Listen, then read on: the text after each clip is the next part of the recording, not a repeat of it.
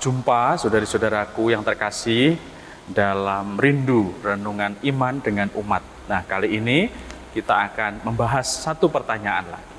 Ya, apa pertanyaannya? Ya, jadi ada sebuah pertanyaan, Mo. Hmm? Jika dengan kehidupan beragama yang baik, kita diharapkan mampu merasakan hidup yang damai, Mm-mm. apakah jika merasa tidak damai, saya belum menjalani hidup beragama yang baik? Agak berat ini. Ya, memang pertanyaannya berat ini ya. Jadi agama dan hidup. Wah, ini kan memang korelasi yang memang menjadi kesatuan yang sangat kompleks ya bahwa bisa jadi agama itu eh, menjadi pegangan hidup. Tetapi yang lebih dari itu sebenarnya soal iman kepada Kristus ya. Iman kepada Allah lebih-lebih. Dan itu yang memang tidak bisa dipungkiri. Jadi agama itu lebih sebagai lembaga yang menaungi kepercayaan atau iman di mana pribadi-pribadi itu merasakan hal yang sama. Maka bagaimana agama dan hidup itu ya sebisa mungkin memang agama mendorong semua umat beriman untuk menemukan Allah. Tentu dengan ajaran-ajarannya dan berbagai macam mungkin pergulatan hidup dan seterusnya. Maka memang agama memberikan panduan-panduan hidup dan itu bisa kita sebut sebagai ajaran-ajaran agama yang bisa jadi berbeda secara prinsip bahkan secara praktek. Tetapi semuanya sama yaitu untuk menuju kepada Allah yang esa itu. Maka bagaimana ketenangan itu didapat? Ya menurut saya ketika pribadi itu dengan imannya, dengan agamanya itu ya semakin hari semakin menyatukan diri dengan yang diimani dan itu yang menurut saya menjadi hidupnya tenang. Namun bisa jadi orang yang beragama, yang rajin berdoa, apalagi kalau orang Katolik ini rajin mengikuti perayaan Ekaristi, hidupnya juga tidak tenang.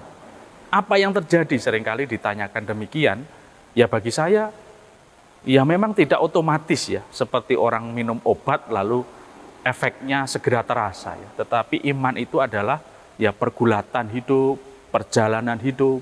Bahkan iman Katolik ini kan men, e, mengatakan bahwa namanya orang hidup itu kan berziarah ya, perjalanan.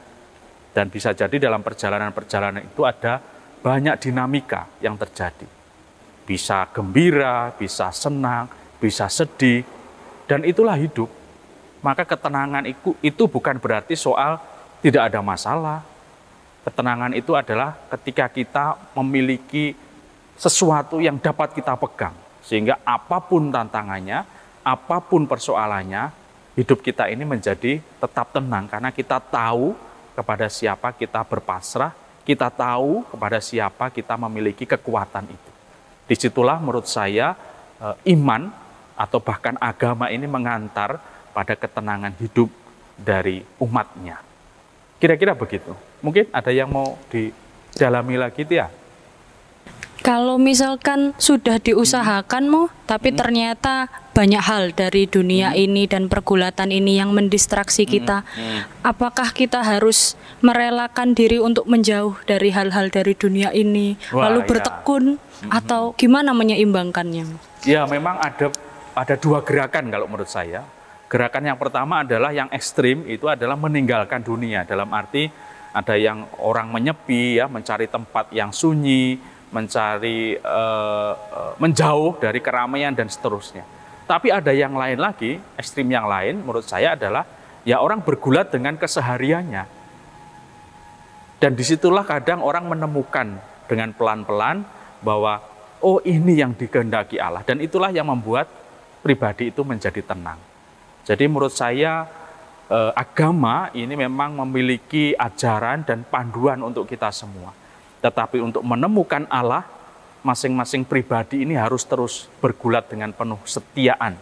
Bagaimana dia harus menjadi bagian dari dirinya, menjadi bagian dari perjalanannya, dan itu tentu menjadi bagian dari kehendak Allah sendiri. Saya kira demikian.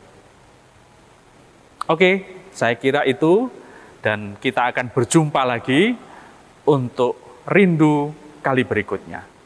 Sampai jumpa.